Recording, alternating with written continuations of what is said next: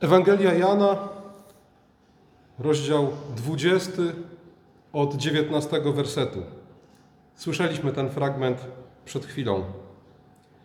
Pierwszego dnia tygodnia Jezus przychodzi do miejsca, w którym przebywają uczniowie i w którym drzwi są zamknięte z obawy przed Żydami. Staje pośrodku nich i mówi: Pokój wam.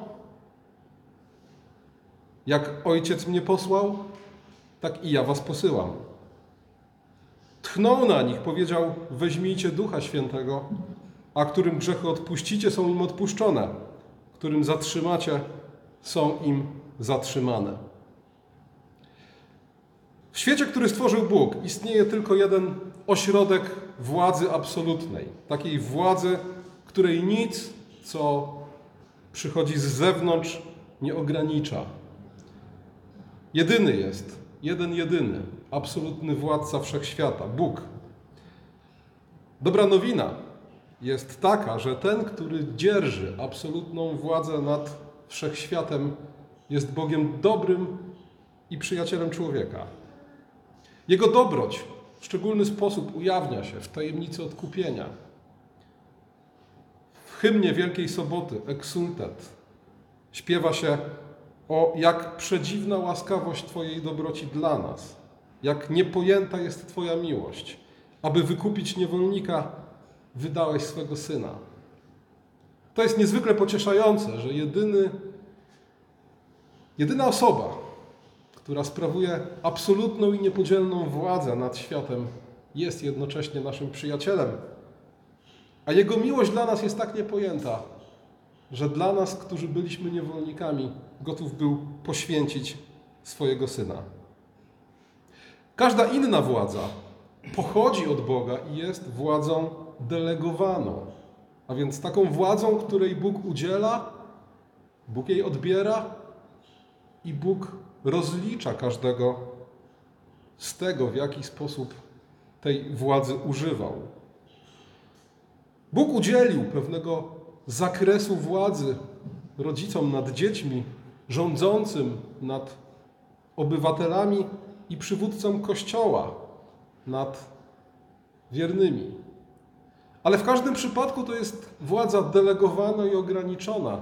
I w każdym wypadku to jest władza nad tymi, którzy w pierwszej kolejności i przede wszystkim mają być wolnymi dziećmi Bożymi. Wolność każdego człowieka w Chrystusie jest Bożym celem. Władza nie jest po to, żeby tę wolność zabierać, raczej, żeby ją chronić. I dlatego każdy, kto od Boga otrzymuje władzę, otrzymuje pewien mandat i autorytet, ale też pewien cel i misję, bo władza zawsze jest po coś. Ona nie jest dla zabawy. Ona nie jest dla korzyści tych, którzy ją posiadają. Jeżeli rodzice otrzymują od Boga władzę rodzicielską nad swoimi dziećmi, to po to, aby te dzieci szczęśliwie i bezpiecznie przeprowadzić przez dzieciństwo i aby osiągnąć cel, którym jest dojrzałość i wolność człowieka, który z dziecka staje się dorosłym. Jeśli Bóg daje władzę rządzącym, to po to, aby karali przestępców i chronili ludzi sprawiedliwych. Po to, abyśmy, jak apostoł Paweł mówi, mogli wieść życie ciche i spokojne. Aby móc ten, ten cel realizować, każda władza otrzymuje właściwe jej instrumenty. Władza rodzicielska, miecz, który nosi władza publiczna, to wszystko jest po to, aby osiągnąć cel. Oczywiście w Bożym świecie bardzo ważny jest też sposób sprawowania władzy. Tych, którym Bóg władzy udziela, tych też wzywa do tego, aby sprawowali swój mandat w pokorze, służąc ludziom w ofiarności, a więc w gotowości do tego, aby siebie, swoje życie złożyć w ofierze za tych i dla tych, których Bóg, których władzy Bóg ich powierzył.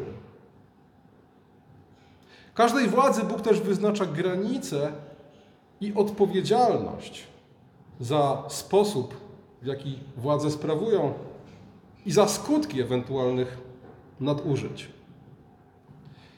W dzisiejszej Ewangelii słyszeliśmy o tym, że Chrystus udzielił apostołom władzy odpuszczania grzechów. Brzmi to bardzo poważnie. Na czym polega ta władza? W jaki sposób powinna być sprawowana, biorąc pod uwagę również te ogólne zasady sprawowania wszelkiej władzy z boskiego mandatu? Zwłaszcza, że rodzaj i zakres tej władzy budzą respekt. Tak naprawdę ciarki powinny nam przejść po plecach, kiedy sobie uświadomimy, że Bóg, Jezus Chrystus, do grzesznych, omylnych i słabych ludzi, notabene tych samych, którzy go całkiem niedawno srodze zawiedli, mówi, którym odpuścicie grzechy są odpuszczone, a którym zatrzymacie są zatrzymane. Rodzaj i zakres tej władzy wyglądają imponująco. Oczywiście na wstępie trzeba wykluczyć wszystkie absurdalne interpretacje tego fragmentu. Takie interpretacje, które są w oczywisty sposób niespójne z całością biblijnego objawienia. Jeśli wiemy, kim jest Bóg, który objawił się w Jezusie Chrystusie, to wiemy, że ten Bóg nie udzieliłby nikomu prawa do wydawania arbitralnych rozstrzygnięć dotyczących wieczności. To nie jest tak, że apostołowie od tego dnia, od tego pamiętnego spotkania z Jezusem mogli sobie po uważaniu otwierać i zamykać niebo dla kogo chcą. Że mogą w tej sprawie wydawać krzywdzące i niesprawiedliwe wyroki, którym Bóg się w dodatku obiecał pokornie podporządkować. Wiemy, że tak nie jest. Wobec powyższego, na czym tak naprawdę polega ta władza odpuszczania i zatrzymywania grzechów? Władza ta jest częścią misji Kościoła, bo Jezus przecież wypowiada te słowa do apostołów jako do pierwocin, zaczynu Kościoła, jego przywódców, a nie do nich prywatnie. Wypowiadając te słowa, Jezus mówi: Weźcie Ducha Świętego. Po co? Bo ja was posyłam. A zatem słowa o odpuszczaniu grzechów padają w kontekście posłannictwa, misji. Daję wam Ducha Świętego i posyłam was. Gdzie i po co? O tym mówi na przykład Ewangelia Mateusza, rozdział 28 od 18 wersetu. Dana mi jest wszelka władza na niebie i ziemi.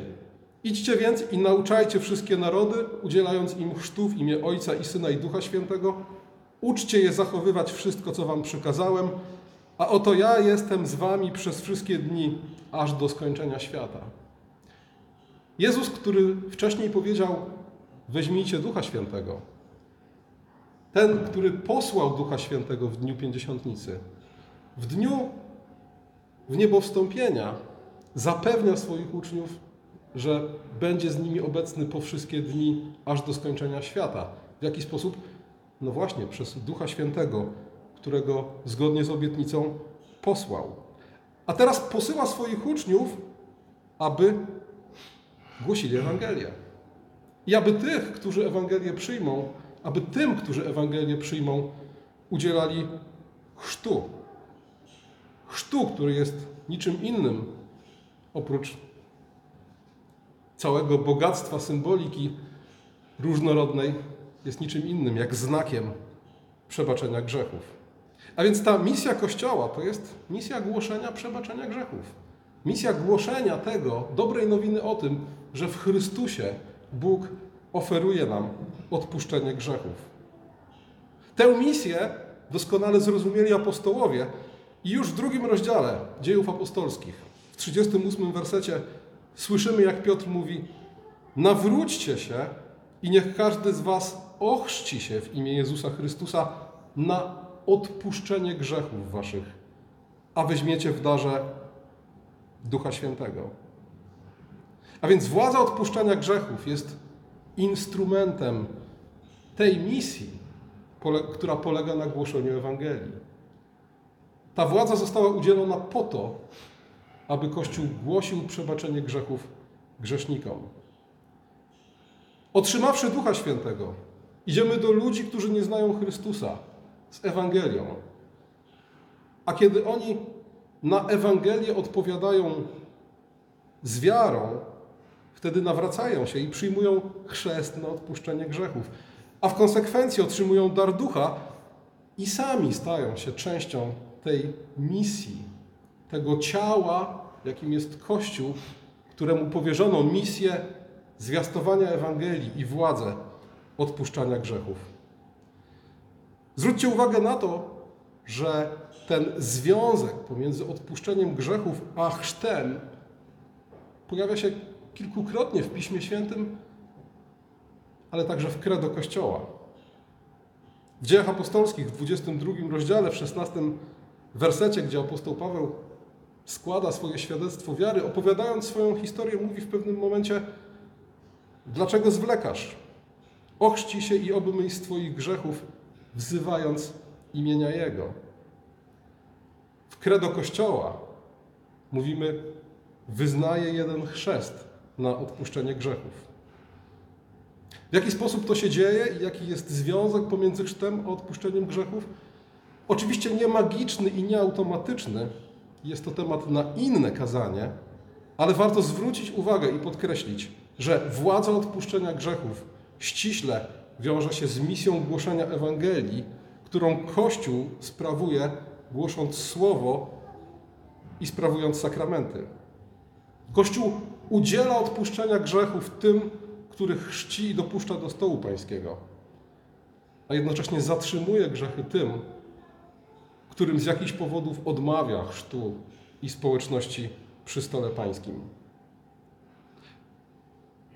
Ta misja, której instrumentem jest władza odpuszczenia grzechów, jest tak naprawdę niczym innym, jest służbą pojednania. Naszym celem i zadaniem jest pojednać ludzi z Bogiem i ze sobą nawzajem. O tym mówi apostoł Paweł w drugim liście do Koryntian, w piątym rozdziale od 18 wersetu. Wszystko zaś pochodzi od Boga, który pojednał nas ze sobą przez Chrystusa i zlecił nam posługę jednania. Albowiem w Chrystusie Bóg jednał świat ze sobą, nie poczytując ludziom ich grzechów, nam zaś przekazując słowo jednania. Tak więc w imieniu Chrystusa spełniamy posłannictwo jakby Boga samego, który przez nas udziela napomnień. W imię Chrystusa prosimy, pojednajcie się z Bogiem. On to dla nas grzechem uczynił tego, który nie znał grzechu, abyśmy w nim stali się sprawiedliwością Bożą. A więc Bóg udziela nam swojego ducha i władzy odpuszczania grzechów, po to, abyśmy szli i głosili Ewangelię, abyśmy udzielali chrztu tym, którzy Ewangelię przyjmują, abyśmy wszystkich wierzących zapraszali do stołu pańskiego i w ten sposób wypełniali służbę pojednania, jednając ludzi z Bogiem i między sobą, na mocy tego, że Chrystus, ten, który nie znał grzechu, za nas stał się grzechem, abyśmy w nim mogli stać się sprawiedliwością Bożą. W jaki sposób Kościół rozumiał tę władzę i sposób jej sprawowania? W dziejach apostolskich widzimy, że zwiastując Ewangelię, apostołowie ogłaszali przebaczanie grzechów. Ale widzimy, że zwiastowali też zatrzymanie grzechów. Bo na przykład, kiedy Ananiasz i Safira w żywe oczy kłamią, jak Piotr mówi, kłamią Duchowi Świętemu. Wtedy Piotr nie mówi, wszystko będzie dobrze. I nie ogłasza wobec nich przebaczenia grzechów. Raczej jesteśmy świadkami ich śmierci z powodu grzechu. W ósmym rozdziale dziejów apostolskich spotykamy z kolei Szymona Maga, człowieka, który widząc, jak zstępuje Duch Święty na ludzi, na których apostołowie nakładają ręce, myśli sobie, chciałbym mieć taką władzę. Wobec powyższego proponuje apostołom pieniądze za to, żeby i jemu udzielili tego daru. Wtedy Piotr mówi do niego: Niech Twoje pieniądze przepadną razem z Tobą, gdyż sądziłeś, że dar Boży można nabyć za pieniądze. Nie masz żadnego udziału w tym dziele, bo Twoje serce nie jest prawe wobec Boga. Tutaj apostoł realizuje ten mandat, tę władzę, którą Bóg mu dał. Którymkolwiek grzechy zatrzymacie, są nim zatrzymane. On mówi Szymonowi, na tym etapie, na którym jesteś, nie masz z Królestwem Bożym nic wspólnego. Ale zwróćcie uwagę na to, że Piotr nie kończy na tym, bo chwilę później mówi: Odwróć się więc od swego grzechu i proś Pana, a może odpuści Twój zamiar. I wreszcie w trzynastym rozdziale dziejów apostolskich do Elimasa Paweł mówi tak o synu diabelski pełny wszelkiej zdrady i wszelkiej przewrotności, wrogu wszelkiej sprawiedliwości. Czy nie zaprzestaniesz wykrzywiać prostych dróg pańskich? Teraz dotknie cię ręka, będziesz pańska, będziesz niewidomy i przez pewien czas nie będziesz widział słońca. Mówi to do człowieka, który stara się odwieść ludzi od Ewangelii i od Chrystusa. A więc w dziejach apostolskich widzimy, że apostołowie odpuszczają grzechy i zatrzymują grzechy.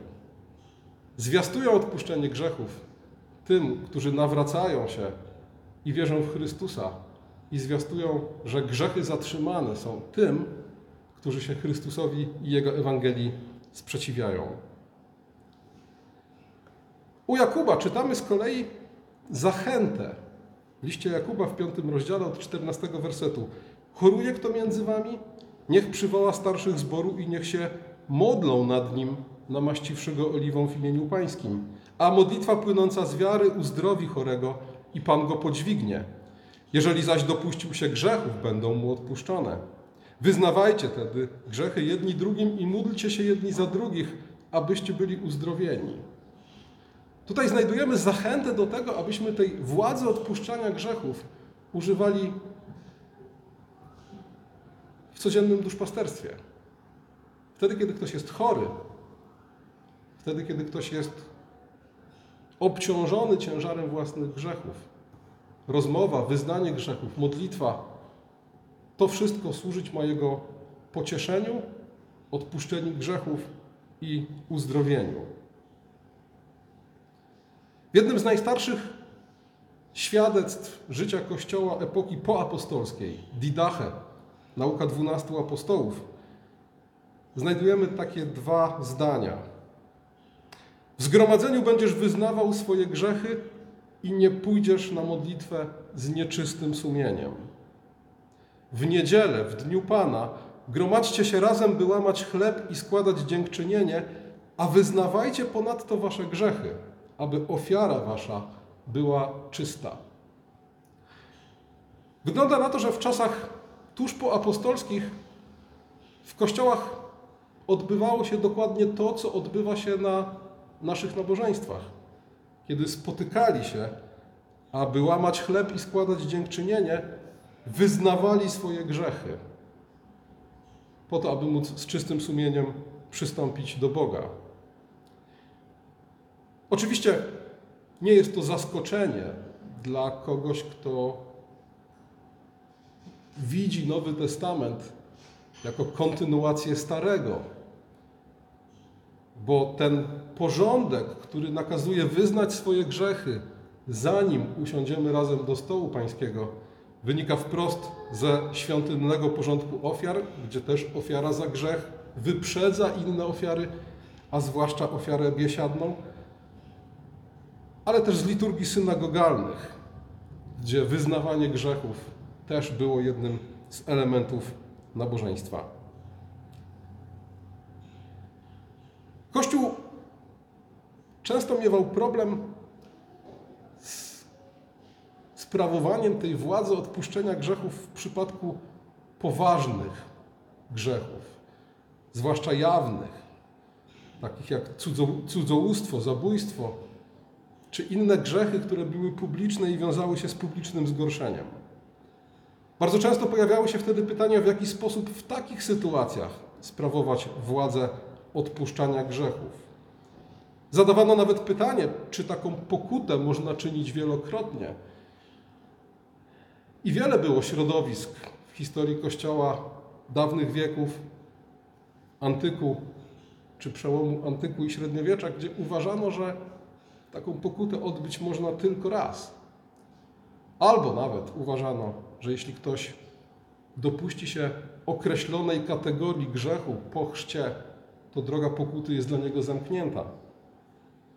Oto spierał się święty Ambroży z Nowacjanami. Nowacjanie twierdzili, że jeśli w trakcie prześladowań ktoś zaparł się Chrystusa, to nie ma dla niego powrotu do kościoła. Choćby nie wiem jak za swoje grzechy żałował. Ale oczywiście dzięki Bogu ten pogląd został potępiony. Bo przecież Bóg, który wzywa nas, żebyśmy naszym winowajcom przebaczali nie 7 razy dziennie, a 70 razy po 7 dziennie, jeśli tego wymaga i oczekuje od nas, trudno zakładać, że On sam nie byłby gotowy do wielokrotnego wybaczania ludziom ich grzechów i upadków.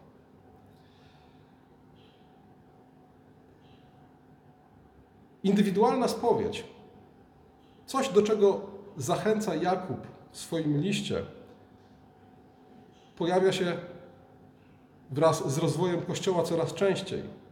W regule świętego Benedykta jest traktowane jako ćwiczenie duchowe, jako coś, co pozwala nam ćwiczyć się w pokorze. Bo to rzeczywiście pomaga ćwiczyć się w pokorze, kiedy wobec brata wyznajemy nasze grzechy i słabości.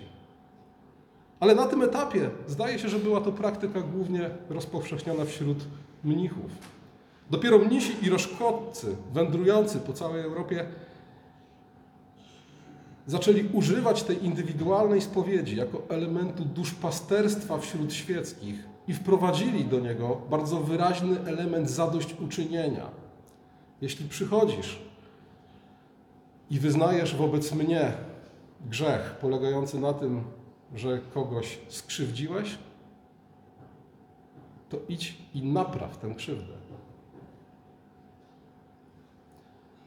W roku 1425 czwarty Sobór Laterański zarządził, że od tej pory indywidualna spowiedź przed kapłanem jest obowiązkowa i w ramach tej spowiedzi należy wyznać wszystkie grzechy, których jesteśmy świadomi. I to oczywiście stało się w późnym średniowieczu źródłem wielu nadużyć. I kiedy pojawił się Luter i ruch reformacyjny, Luter oczywiście zakwestionował obowiązek spowiedzi i zwrócił uwagę na to, że jest to niewola nakładana na wolne dzieci Boże. A ten obowiązek wyznawania grzechów kapłanom, wyznawania wszystkich grzechów, rodzi jeszcze cały szereg dodatkowych nadużyć. Luter walczył z obowiązkową spowiedzią, ale nie walczył ze spowiedzią jako taką. Pisał: Nie chcę sobie utajonej, a więc tej osobistej spowiedzi, nigdy dać zabrać. I nie chciałbym jej oddać za żadne skarby świata, bo wiem, ile mi dała pociechy i posilenia. Rzeczywiście z biografii Lutra wiemy, że jego spowiednikiem i przyjacielem był Johann Staupitz, który był człowiekiem wyprzedzającym w dużej mierze swoje czasy, człowiekiem niezwykle pobożnym i oddanym Chrystusowi. Nic dziwnego, że Luter wspominał spowiedź jak najlepiej, bo była dla niego okazją zapewne do duszpasterskich rozmów, była źródłem pociechy i posilenia. Od siebie mogę dodać, że dokładnie tak samo wspominam swoją praktykę spowiedzi z czasów, kiedy byłem nastolatkiem, ponieważ mój spowiednik był prawdziwym duchowym opiekunem i wsparciem dla mnie. A więc z jednej strony reformatorzy mówią, nie wolno nakładać na ludzi kajdan związanych z obowiązkową spowiedzią, jeszcze w dodatku w tak ściśle określonej formule. Ale z drugiej strony Luther mówi, wiem, ile dała mi spowiedź pociechy i posilenia. Zresztą kilkaset lat później do osobistej spowiedzi zachęca Bonhoeffer. I pisze tak: Grzech chce być z człowiekiem sam na sam i odciąga człowieka od wspólnoty. A im bardziej człowiek jest samotny, tym bardziej niszcząca jest wobec niego siła grzechu. Im głębsze uwikłanie w grzech, tym bardziej beznadziejna samotność. Ponieważ grzech musi być kiedyś postawiony w świetle, dlatego lepiej jest, jeśli to stanie się dzisiaj między mną a bratem, niż miałoby to się stać w dzień ostatni w jasności sądu ostatecznego. A więc Bonhoeffer postrzega tę osobistą spowiedź jako sposób na rozbrojenie grzechu. Grzech, który pozostając utajony, może nas oddzielać od wspólnoty i pogrążać w samotności. Patrząc na innych, możemy sobie myśleć, o ile mniej jesteśmy od nich pobożni, o ile bardziej jesteśmy od nich grzeszni. Bonhoeffer mówi, jeśli ten grzech zostaje wyznany, wystawiony na światło, traci w jakimś zakresie tę zniewalającą moc nad nami. Ale jednocześnie przestrzega Bonhoeffer.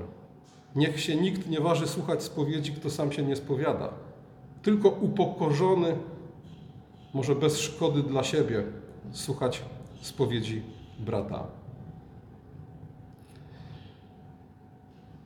W jaki sposób Kościół używa dzisiaj i w jaki sposób powinien używać tej władzy odpuszczania grzechów, której Chrystus udzielił mu w Ewangelii Jana? Po pierwsze, sprawujemy tę władzę zawsze, ilekroć zwiastujemy Ewangelię. Ilekroć tych, którzy Ewangelię przyjmują, chrzcimy i dopuszczamy do stołu pańskiego, bo w ten sposób zapewniamy ich, o tym, że Bóg im przebaczył grzechy i przyjął do swojego królestwa. Sprawujemy tę władzę również wtedy, kiedy w trakcie nabożeństwa ogłaszamy przebaczenie grzechów dla wszystkich, którzy z żalem i pokorą przed Bogiem swoje grzechy wyznają. Używamy tej władzy również wtedy, kiedy jako Kościół dokonujemy ekskomuniki kiedy jako Kościół odsuwamy kogoś od wspólnoty słowa i sakramentów, mówiąc mu w ten sposób, Twoje grzechy są zatrzymane do czasu nawrócenia i pokuty. I oczywiście nie robimy tego po to, żeby taką osobę pognębić, napiętnować, ale raczej dla poprawy i ku nawróceniu. Kiedy Kościół źle używa, nadużywa tej władzy, po pierwsze wtedy, kiedy z niej rezygnuje. Kiedy nie głosi ani odpuszczenia grzechów, ani zatrzymania grzechów, bo po prostu usunął grzech ze słownika. Taki Kościół głosi fałszywą Ewangelię i sprzeniewierza się władzy odpuszczania grzechów, którą otrzymał od Chrystusa. Dalej, nadużywa tej władzy Kościół, który głosi Ewangelię taniej łaski. A więc Ewangelia, o której Bonhoeffer mówi, że jest to nauczanie o odpuszczeniu grzechów bez żalu za grzechy i postanowienia poprawy. Jest to chrzest bez podporządkowania się kościelnej wspólnocie, wieczerza eucharystyczna bez wyznania grzechów. Jeśli Kościół tanią łaskę głosi, głosi odpuszczenie grzechów dla każdego, bez żalu i nawrócenia sprzeniewierza się władzy odpuszczania i zatrzymywania grzechów. Kiedy Kościół odpuszcza grzechy tym, którym powinny być zatrzymane, kiedy zapewnia ludzi o tym, że ich grzechy zostały odpuszczone, choć tego żalu za grzechy i nawrócenia u nich nie widać. Pamiętajcie, że jeśli naszą misją jest pojednanie ludzi z Bogiem i ludzi między sobą, to to pojednanie domaga się tego, abyśmy eliminowali zło spośród siebie. Domaga się niezgody na grzech. I ta niezgoda na grzech objawia się w ten właśnie sposób, że nie ogłaszamy odpuszczenia grzechów komuś, kto chce w grzechu tkwić i nie zamierza się nawrócić. Z drugiej strony, Kościół nadużywa władzy, kiedy zatrzymuje grzechy tym, którym powinny zostać odpuszczone. Kiedy nie zwiastuje odpuszczenia grzechów tym, którzy za nie żałują, albo kiedy obciąża sumienia ludzi, nazywając grzechem to, co grzechem nie jest. Nadużywa swojej władzy też wtedy, kiedy pozostawia grzesznika w rozpaczy, zamiast spieszyć do niego z zapewnieniem o przebaczeniu grzechów. I kiedy mówię, że Kościół sprawuje tę władzę i Kościół jej używa, nadużywa, to nie mam na myśli tylko przywódców Kościoła. Nie mam na myśli tylko kontekstu liturgii i duszpasterskich rozmów, które przeprowadzają pastorzy. Pamiętajcie, że tej władzy w jakiś sposób i w jakimś zakresie używamy my wszyscy. Każdy z nas może i powinien głosić Ewangelię o odpuszczeniu grzechów. I kiedy opowiadamy ludziom o Chrystusie, mówić im o tym, że aby uzyskać życie wieczne, trzeba się nawrócić i porzucić grzech. Dalej, jeśli wszyscy jesteśmy w ten czy w inny sposób powołani do głoszenia Ewangelii, to powinniśmy strzec się, jak mówi Bonhoeffer, takiego zwiastowania Ewangelii, które dawałoby ludziom fałszywe poczucie bezpieczeństwa w ich bezbożnym życiu. A z drugiej strony, wobec obciążonych ciężarem grzechu, nie powinniśmy być oskarżycielami.